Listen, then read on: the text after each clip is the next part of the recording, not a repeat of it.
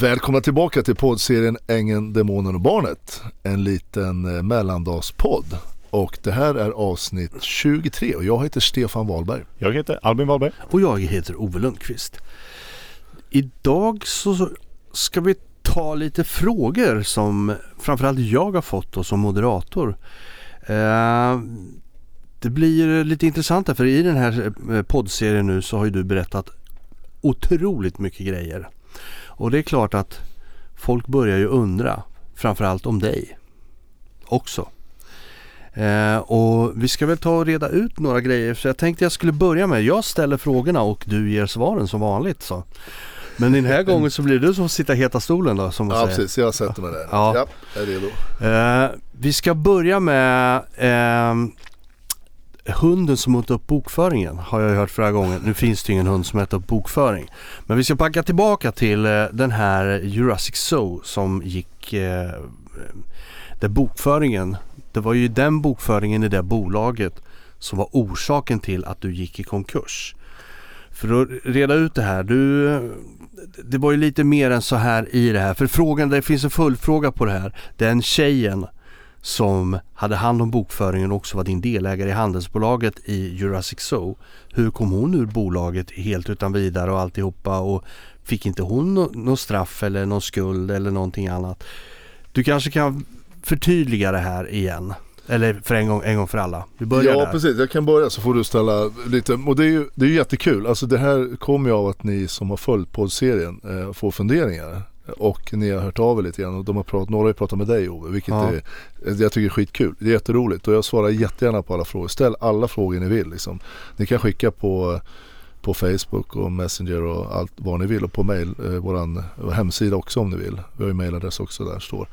Eh, men som sagt, eh, det, jag förstår att det är lite rörigt och det har det ju varit även för mig. Mm. Därför att mycket av det här som hände i en, i en kedja, en lång kedja av händelsen, det är ju det är sånt man inte tänker ska hända. Men vi kan börja med att bara, jag har ju då, började ju som egen företagare när jag regade min enskilda firma 92, 1992. Och det här som hände, vi har berättat om den här zoo-affären som vi drev eh, tillsammans med en, en kvinnlig kollega då, i ett annat bolag, ett handelsbolag. Det handlar om eh, 2009, så alltså blir det 17 år senare så hade vi mellan 08 och 09 en, en mindre verksamhet. Den omsatte inte speciellt mycket, vi pratade några hundratusen.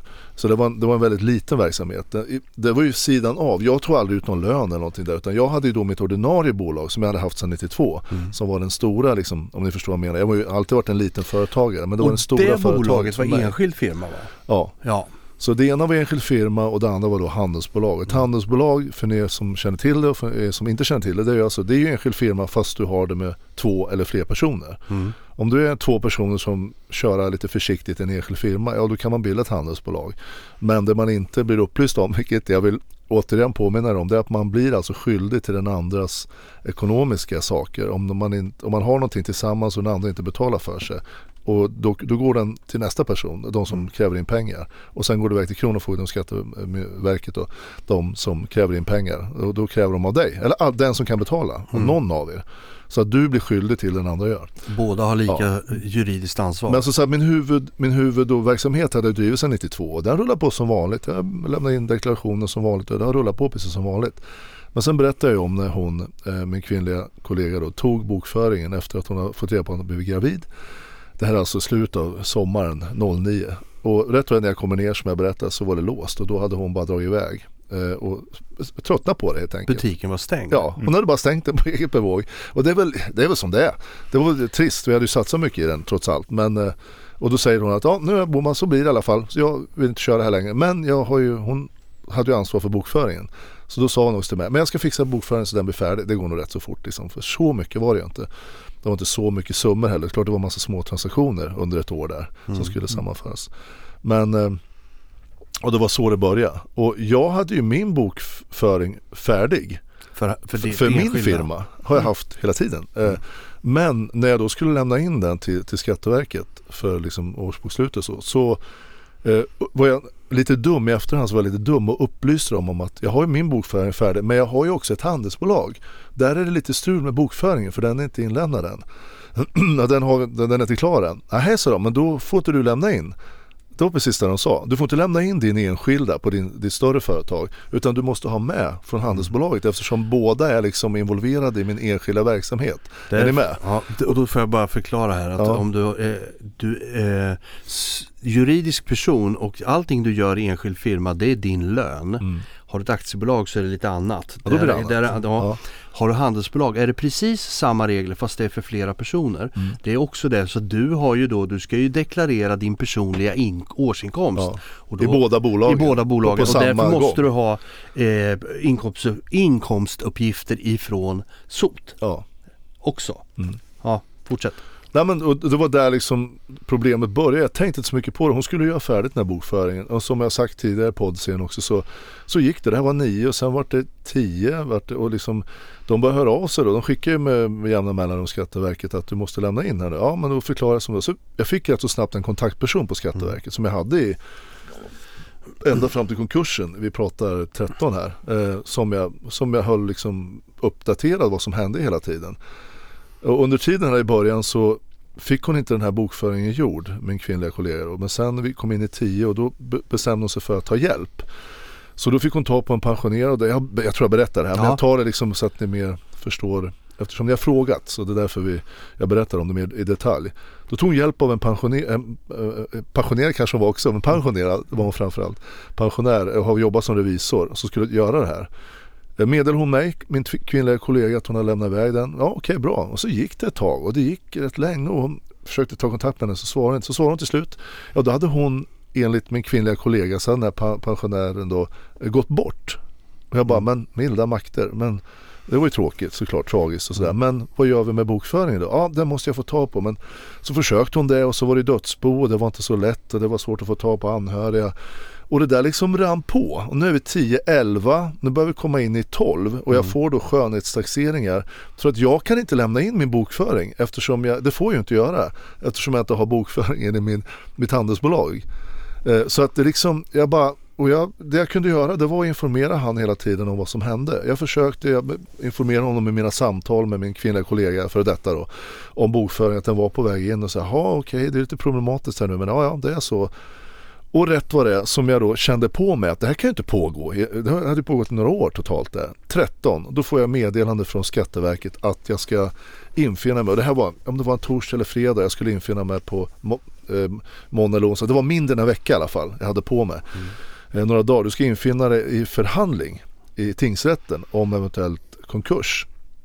Och då i och med att jag inte var då, nu är jag ju lite mer rutinerad nu med rättegångar men något mer. Men då, tänkte, förhandling tänkte jag, lite naivt där. Vi ska förhandling, okej då ska vi förhandla om det här och jag får berätta liksom hur det är och jag berättar vad som har hänt. Jag är inte konkursfärdig i mitt bolag på något sätt. Men däremot så har jag problem med det här enskilda, eller handelsbolaget. Jag tänkte jag berättar det. Kommer dit, om det nu var en måndag eller onsdag, jag kommer inte ihåg. Och då är det alltså en representant ifrån eh, Skatteverket som är där. Och innan vi åkte till tingsrätten så hade jag ringt min kontaktperson mm. eh, som jag hade på Skatteverket och sa att det här och det här och det här, de vill sätta mig i konkurs. Nej men jaha, oj säger han. Då berättar han att det, det, här, de som har begärt det här från Skatteverket det är en helt annan avdelning på Skatteverket. De har inget med varandra att göra. Så den här avdelningen då som hade föreslagit att jag skulle sättas i konkurs. Det är sådana som har, de tittar på alla ärenden tydligen fick jag reda på. Sitter en avdelning och har kontroll på alla ärenden som är hos Skatteverket. Och har något ärende tagit för lång tid, då kan de gå in och säga bara, nej det här tar ju för lång tid, nu gör vi någonting. Och konkurs då är en, en sak de kan göra. Så den, min kontaktperson hade ju ingen aning om det här. Han var också lite tagen på sängen sådär. Mm. Jag sa, och då sa man kan inte du göra någonting? Nej det kan jag inte utan det här, de gör, gör det här helt på eget, liksom, de har ju eget beslutande sådär kraft.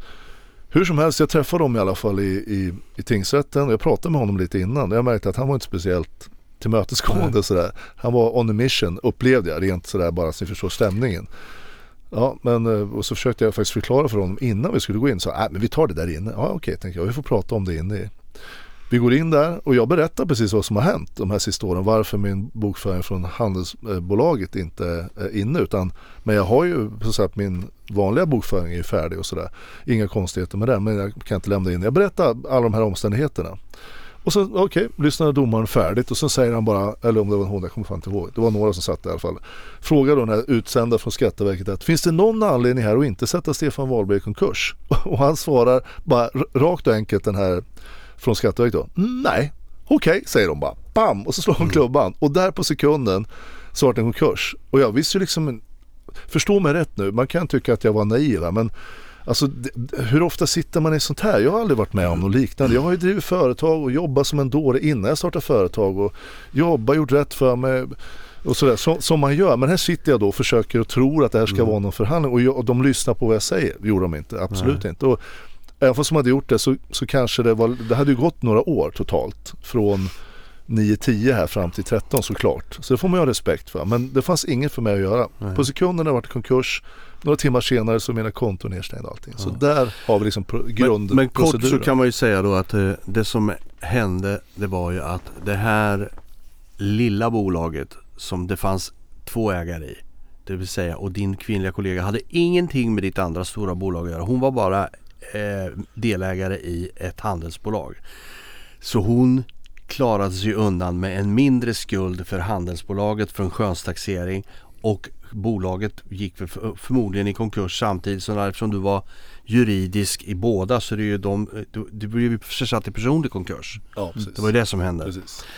Och eh, förklaringen är då att eh, hunden som åt upp bokföringen eh, Det var pensionären som faktiskt dog och det tog ut på tiden men den här kvinnliga kollegan fick faktiskt också en skuld Mm.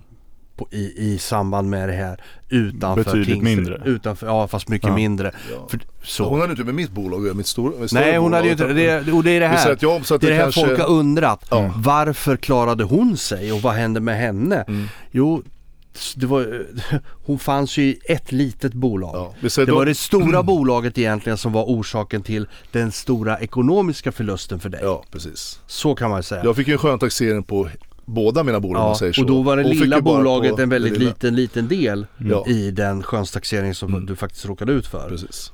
Men det var det som var stråt som knäckte kamelens rygg kan man väl säga. Lite så. För det var, var ju orsaken till Mm. alltihopa. Så återigen det här med handelsbolag kanske inte är så lattjo. Nej men handelsbolag är ju väldigt vanskligt, det måste man säga. Det spelar ingen roll hur bra, Mm. som du sa någon gång Albin här, vill du, är du bästa vänner med någon så skapa, Tycker du starta att du ett får bra vän med någon? Starta handelsbolag med. Ja. Och det, det, är liksom det, det blir väldigt, väldigt Mm. ofta blir det strul med det. Så gör det inte. Och sen Nej. som sagt, jag var ju enskild företagare.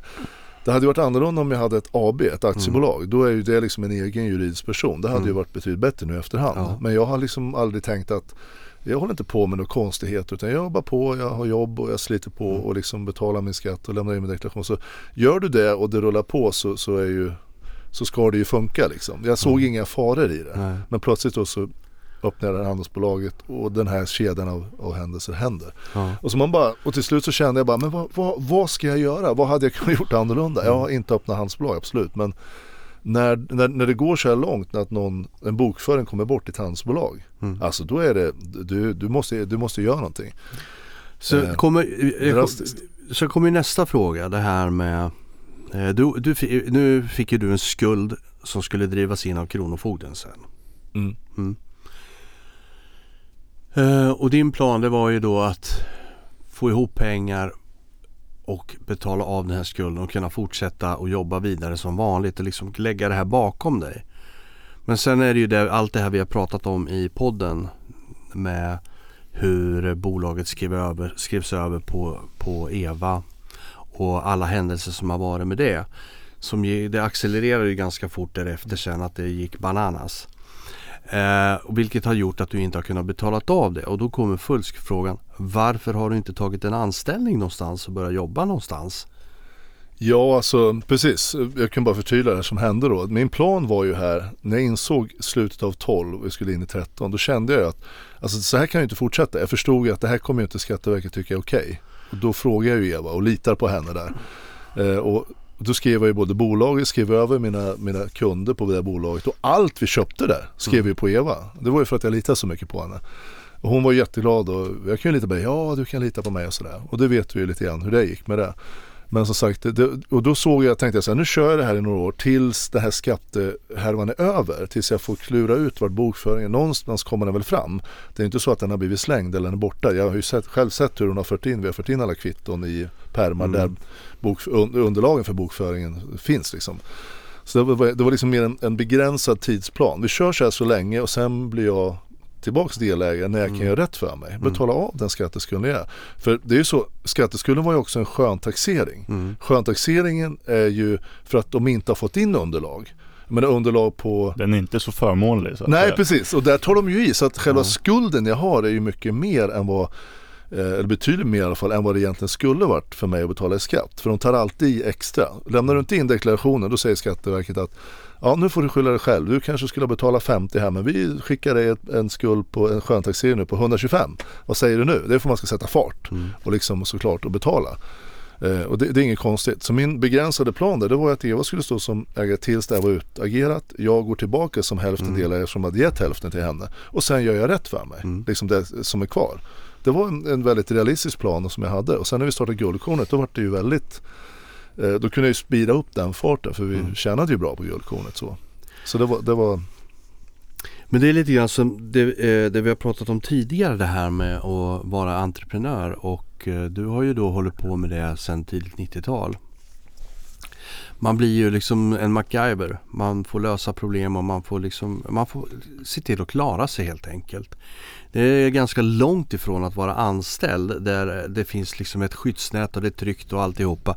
För det finns någon som du är anställd av som är en MacGyver som får lösa alla problem som du aldrig ser som anställd. Du ser inte vad du kostar eller någonting. Men som egenföretagare så ser du alla kostnader. Även skatter och sociala avgifter, allting som ligger där. Och där är ju också det här eh, eftersom du har varit, eh, som frågan var här, varför har du inte tagit en anställning? Ja det finns väl svar på det också. Ja, men jag kan svara jätteenkelt. Jag har Ja. försökt att vid några tillfällen eh, försökt att liksom komma in någonstans och börja jobba. Även fast jag då skulle sätta en sits där, där du jobbar och du har ja, men anständigt stora skulder så kommer du få över en väldigt liten del av, av, av men liksom, om, om du tänker att man blir nollad Mm. plus att du har skulder. Eh, Min ålder kom upp en bit i livet ändå trots allt. Alltså det, det, när du söker jobb då frågar de så här, okej vad har du gjort? Jag har varit egen sedan 92. Jaha, hur gick det? Vad har du gjort? Ja, jag gick i konkurs.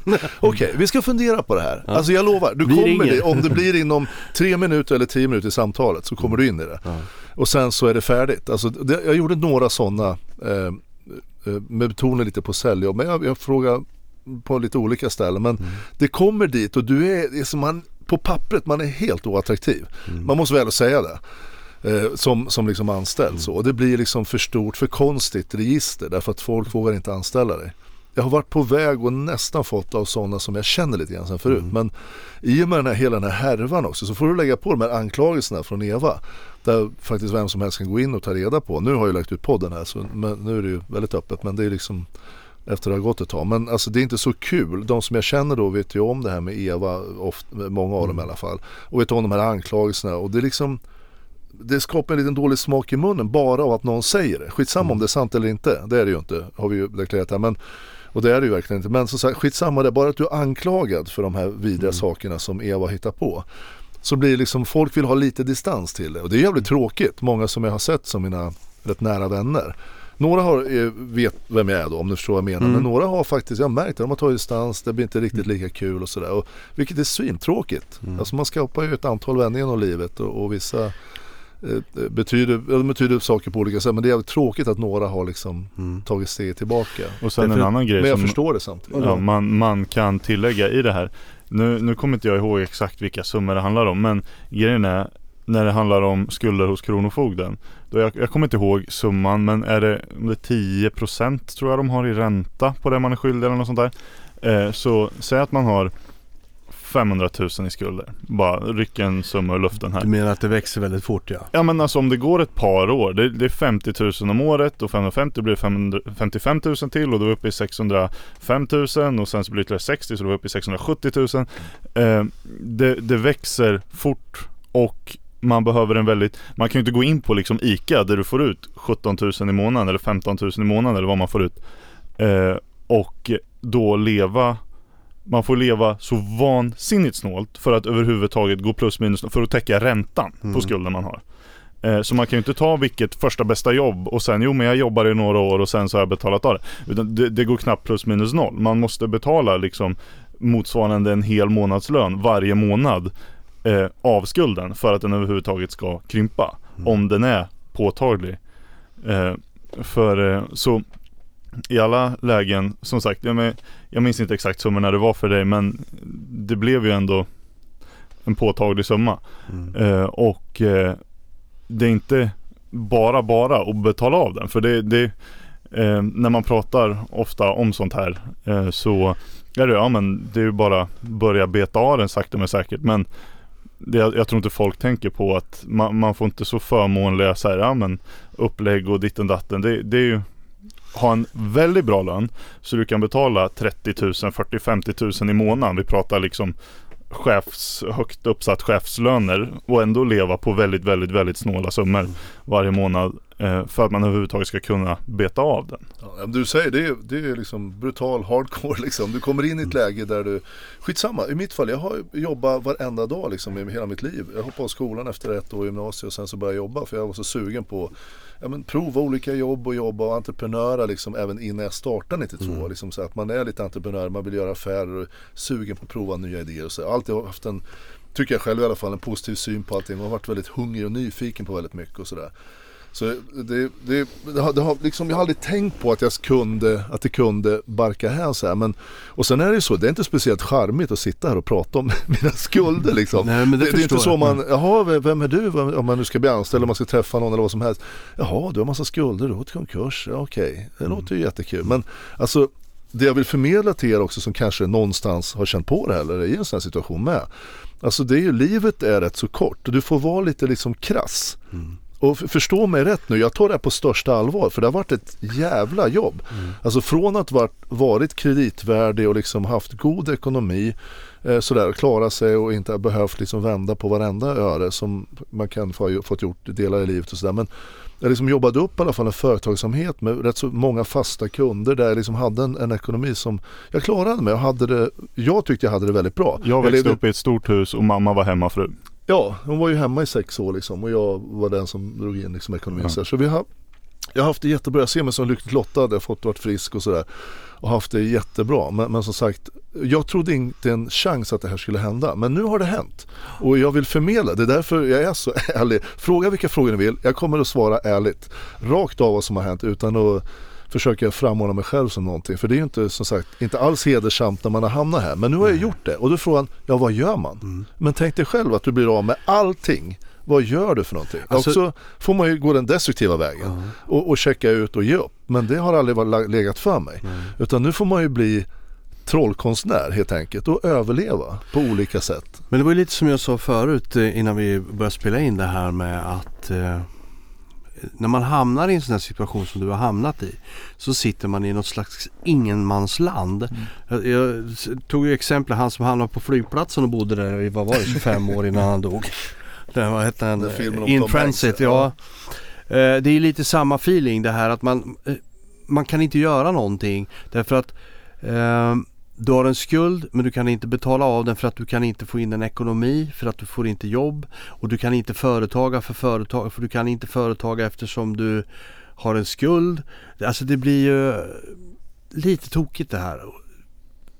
Ja, nej men eh, och det, det, det är jättesvårt. Alltså det, om du tänker att så måste man ju ha respekt för och det är väl bra att de är sådana men Skatteverket till exempel. Jag har mött några jättetrevliga personer där som kämpar som fan. Men alltså det, det är människor som, som sitter där, de har någon utbildning och de ska då kontrollera andra och sådär och förklara för dem.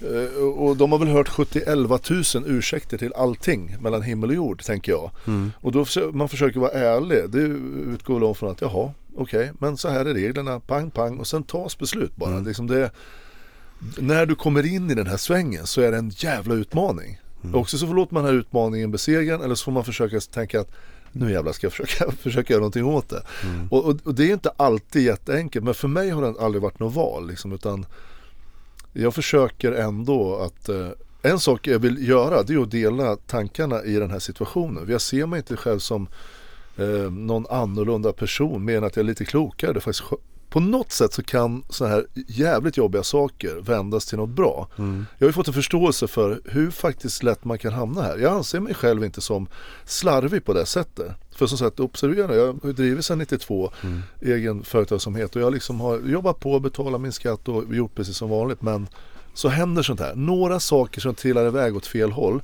Och sån här sak som du inte har kontroll över. En bokföring Mm. som måste in. Som du har kommit överens med en kollega att hon ska ha. Hon ger iväg den. Någon, alltså den bara försvinner egentligen. Jag har fortfarande inte sett den till dags dato. Nej, och den här bokföringen var ju liksom? ganska, li- egentligen en liten del, men den lilla delen har ju ställt till alltihopa. Ja, Och det är ju butterfly-effekten som jag sa redan från början. Första gången du berättade det här för Ja. mig så sa jag okej. det är orsaken, grundorsaken till Mm. hela sen har det rullat alltihopa. på. Sen har det liksom. rullat på. Det var ju anledningen till varför jag skrev allting på Eva. Tänkte Mm. då som en tillfällig lösning och hon var helt med på det. Men det ena ger det andra och sen rätt vad det är så, så spinner det iväg. Och sen så träffar man någon som Bill Engman. Då kan vad som helst. Nej men, men och så är det på, på allvar. Men som sagt. Eh, eh, ni som undrar liksom vad, jag vet har du fått någon fråga vad jag lever av och så. Ja. Ja. men jag är, jag, jag liksom, jag, jag har, från att ha blivit en offentlig på något sätt småföretagare där jag har där man kan kolla upp mig i papperna, vilket man kan göra med alla personer idag. Så har jag nu blivit en överlevare liksom. Mm. Därför att jag har bestämt mig för att jag måste göra det. Jag måste överleva. Och eh, jag har väl en, en, liksom en plan för framtiden. Definitivt, det har jag alltid känner Mm. jag. Det är bra att ha, jag kan rekommendera. Försök tänka, efter, tänk igenom nästa år eller några år framåt. Vart du vill vara så har du ett tydligt mål i alla fall. Eller Mm. någorlunda tydligt mål att gå efter. Istället för att bara liksom fara omkring varje dag. Men, och det är så jag försöker tänka. Liksom, jag har ju planer och där jag liksom vill liksom komma tillbaka om man kan säga så. Mm. För att bli, jag menar, fan det är inte kul. Jag kan tänka mig, nu har jag inte pratat med er barn till exempel. Pappa i konkurs och sådär. Jag vet att jag har fått några kommentarer direkt när det hände och sådär. Och tråkigt som fan eh, såklart. Det är ju liksom, du vet det är lätt att bli, det kommer lite skam i det och sådär Mm. också. Men alltså försök att Lägg det, ha lite distans till det. Ja, det är inte kul. Men om Nej. någon annan som du känner dömer dig. Ja, men då får man väl konstatera att då har den personen inte så mycket över till mig som person. Då är det något Mm. annat de tyckte om i min roll som företagare där jag hade på papper pengar eller något. Mm. Är du med? Man får, man får liksom försöka se allt så nyktert som möjligt. Och sen komma ner till grundkärnan vad, vad det är att leva och ha riktiga vänner, vad det Mm. innebär. Varför vi sitter här, varför ni har tagit er tid att göra det här med mig till exempel. Du Ove till exempel. Mm. Ja. Det är ju det är för att vi är vänner. Mm. Och det här är ju bevis för att liksom du eh, men, du, du ser på mig som vän. Du Mm. skiter ju vad jag har eh, på, på bankkontot officiellt. Ja. Faktiskt. Det är ju sant. Ja, och det, är det ju. det, det är liksom någonstans där det kommer ner till. Och man, de som inte vill haka på efter en sån här grej, ja de får, okej, då, får, då får man tacka Mm. för sig. Men de som vill haka på det och säga att ja, men det här är ju, det här är skit, liksom man märker att det skiter de i. Bra, check på den liksom. Mm. Eller hur? Vad är en riktig vän egentligen? Är det någon som hoppar av när det blir något sånt här? Ja men då kanske du ska fundera på eh, vad, vad det här med, om det här är en riktig vän. Mm. Ja, det är det precis. troligtvis inte. Ja. Till exempel. Så man lär sig väldigt mycket under processen. Det gör man väl. Och om sig själv också. Skickliga seglare skapas inte på lugna vatten som man brukar säga. Icke citat det är väl passande. Nej och sen i samband med det här då så i och med att eh, som du eh, så har jag fått kommentarer mer än frågor med det här att är han medveten om att han hänger ut sig själv lika mycket som han hänger ut de andra? Ja, det är han. Och det är ju det här du har som du du var ganska klar på det från början. Att du står ju precis lika mycket i skottgluggen som alla andra. Ja. Och, och i och med att de här frågorna har kommit upp om dig också så blir det ganska tydligt att nu börjar, ju, börjar man ju liksom kolla, jaha, Stefan också då? Och det är väl, det är väl till, tecken på att vi har ganska intelligenta lyssnare, måste jag säga. Ja, modiga med sådär Ja. och raka liksom. Ja. För det, är, det är väsentligt. Och jag måste säga, jag är tacksam för att ni ställer dessa frågor och ställer dem direkt till mig. När, eh, för det är, antingen är det några jag känner väldigt väl som jag pratar med eller också är det bara bekanta som jag känner i periferin. Som vi är ytliga bekanta. Men de kommer fram och ställer frågorna kring det här.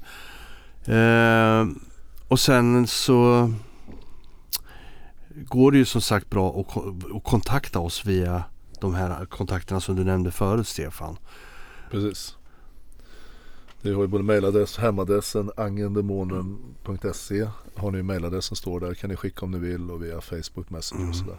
Ja, men sen kan man väl, jag kan flagga lite för också om ni undrar liksom vad som händer. Jag har ju alltid varit väldigt företagsam, provat väldigt mycket. Som sagt, drog med Eva på resor runt i Kina och USA. Och vi kollade på nya produkter och vi hade så här stolleresor som, Mm. som i något, annat liv hade varit kul att prata om dem för vi hade så jävla roligt i Kina tycker jag. Bland annat i USA med. Men, Mm. men det är som det är. Utan det, man får ha det som ett minne bara. Då var det kul därför att det, ki- kineser är jättefina människor men de är ju också roliga och kan inte Mm. engelska och sådär. Ge sig ut på taxiresor och försöka hitta något i Tjotahejti i Kina Mm. på någon landsbygd. Det är spännande. Vill ni ha en utmaning så, så gör det. Men sen som sagt, jag har ju planer definitivt. Jag vill inte prata om dem så här nu därför att det är alla möjliga människor som lyssnar på den här podden har vi, Mm. förstår vi ju. Men eh, sen har vi ju, någonting jag måste tänka på nu det är att eh, jag har ju fått Eva Stark har ju tyvärr ringt in en massor med konstiga tips. Hon har ringt till Kronofogden, hon har ringt till Skattemyndigheten. Jag har haft en utredning på mig hos Skattemyndigheten för att på jättekonstiga tips som Eva. eh, Man kan ju följa. Grejen är att eh, Kronofogden och Skatteverket de loggar ju alla samtal och skriver ju. Så ringer man in och säger att man heter Eva och bla bla bla och sådär. Så, så loggas ju det. Bara att eh, man kan ju ringa in anonymt men, men många presenterar sig. Så jag vet ju att Eva har ringt in och eh, hittat på massa konstiga saker som har gjort att jag fått utredning på mig. Och Utredningar som sen har lagts ner. Precis, och sen vet jag ju också att eh, Bill Hengman han eh, det åker runt nu till folk, eh, det hörde jag av en, en som jobbar nära med honom. Han åker runt och säger att det är inte han som är demonen, det är Stefan. Han är förföljd av en demon som är så elak nu och smutskastar mig och hittar på lögner. Det är det han kör nu. Så med det sagt så skulle jag hitta på något nytt och vi är involverade i något nytt, vilket jag kommer att bli. Så vet jag att jag kommer ha Eva och Bill. De kommer att troligtvis, det, det är, bara en, det är inte en speciellt avancerad gissning, de kommer att göra vad de kan för att förstöra. Så jag måste bara ha det i åtanke. Det kommer inte hindra mig från att göra andra saker. Men som sagt, framöver så kommer jag också hitta på mer eh, inom företagsvärlden. Självklart kommer jag Mm. göra det. Men allt, jag får göra allt lite mer noggrant. Jag får tänka efter väldigt mycket nu när jag hamnar i den här sitsen. Och inga mer handelsbolag. Ja, jag funderar faktiskt på nej, nej, för fan. Inte handelsbolag. Det är, öppna ett aktiebolag direkt eh, när ni gör någonting. Det är, det är mitt råd. Eh, Mm. Helst inte enskild firma heller. För som sagt, när man går i konkurs då går man ju i personlig konkurs. Har Ja. ett aktiebolag då är det aktiebolaget som går i konkurs. Inte du som person. Väldigt viktig Det här är några som inte riktigt, det var därför jag tog upp det förut och var tvungen att Ja. säga det för att det är personlig konkurs. För det är några som inte riktigt har förstått det här. Som inte är företagare och inte känner till företagsformer. Eh, Och skillnaden mellan enskild firma, handelsbolag och aktiebolag. Mm. För handelsbolag det låter som att man är juridiskt frisläppt lite grann ifrån det. Ja. Utan det är inte riktigt så utan det, det är ju eh, Man går i personlig konkurs. Ja.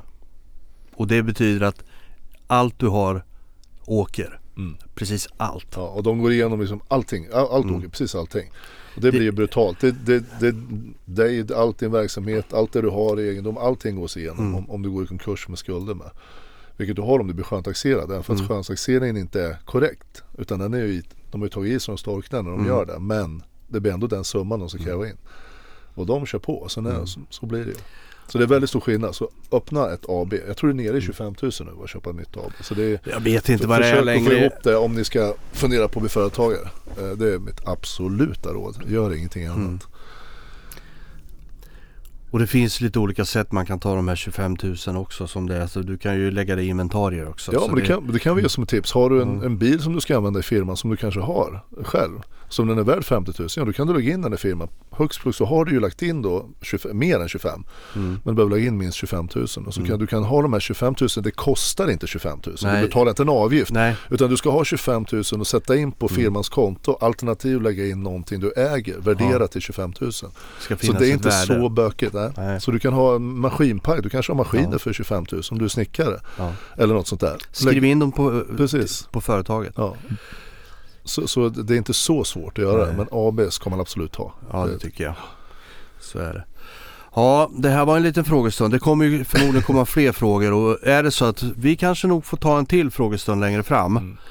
när det kommer mer frågor och kanske också lite uppdateringar om lägen och sådana här saker. Ehm, Och nu börjar vi närma oss nyårsafton med. Då får vi ta lite, ska vi lägga några nyårslöften? Nej vi är Nej. med det. jag tror inte på det. Nyårsluften är till för att brytas. Man gör Ja. saker eller så gör man inte saker. Bra. Vi är så hardcore. Jag säger så här. Sätt upp mål, delmål och slutmål. Mm. Börja med slutmålet och bygg delmålen för att Mm. komma till slutmålet. Det är en strategi som faktiskt funkar. Ja. Alltså Vad det än gäller. Faktiskt. Så. Men ska vi, eh, ska vi önska våra lyssnare, våra trogna lyssnare, gott nytt år? Ja det tycker jag. Ja, ha gott riktigt skön helg nu och sen så, så hörs vi i. Verkligen. Absolut. Ja. Ha det gott. Ha det Hej. gott.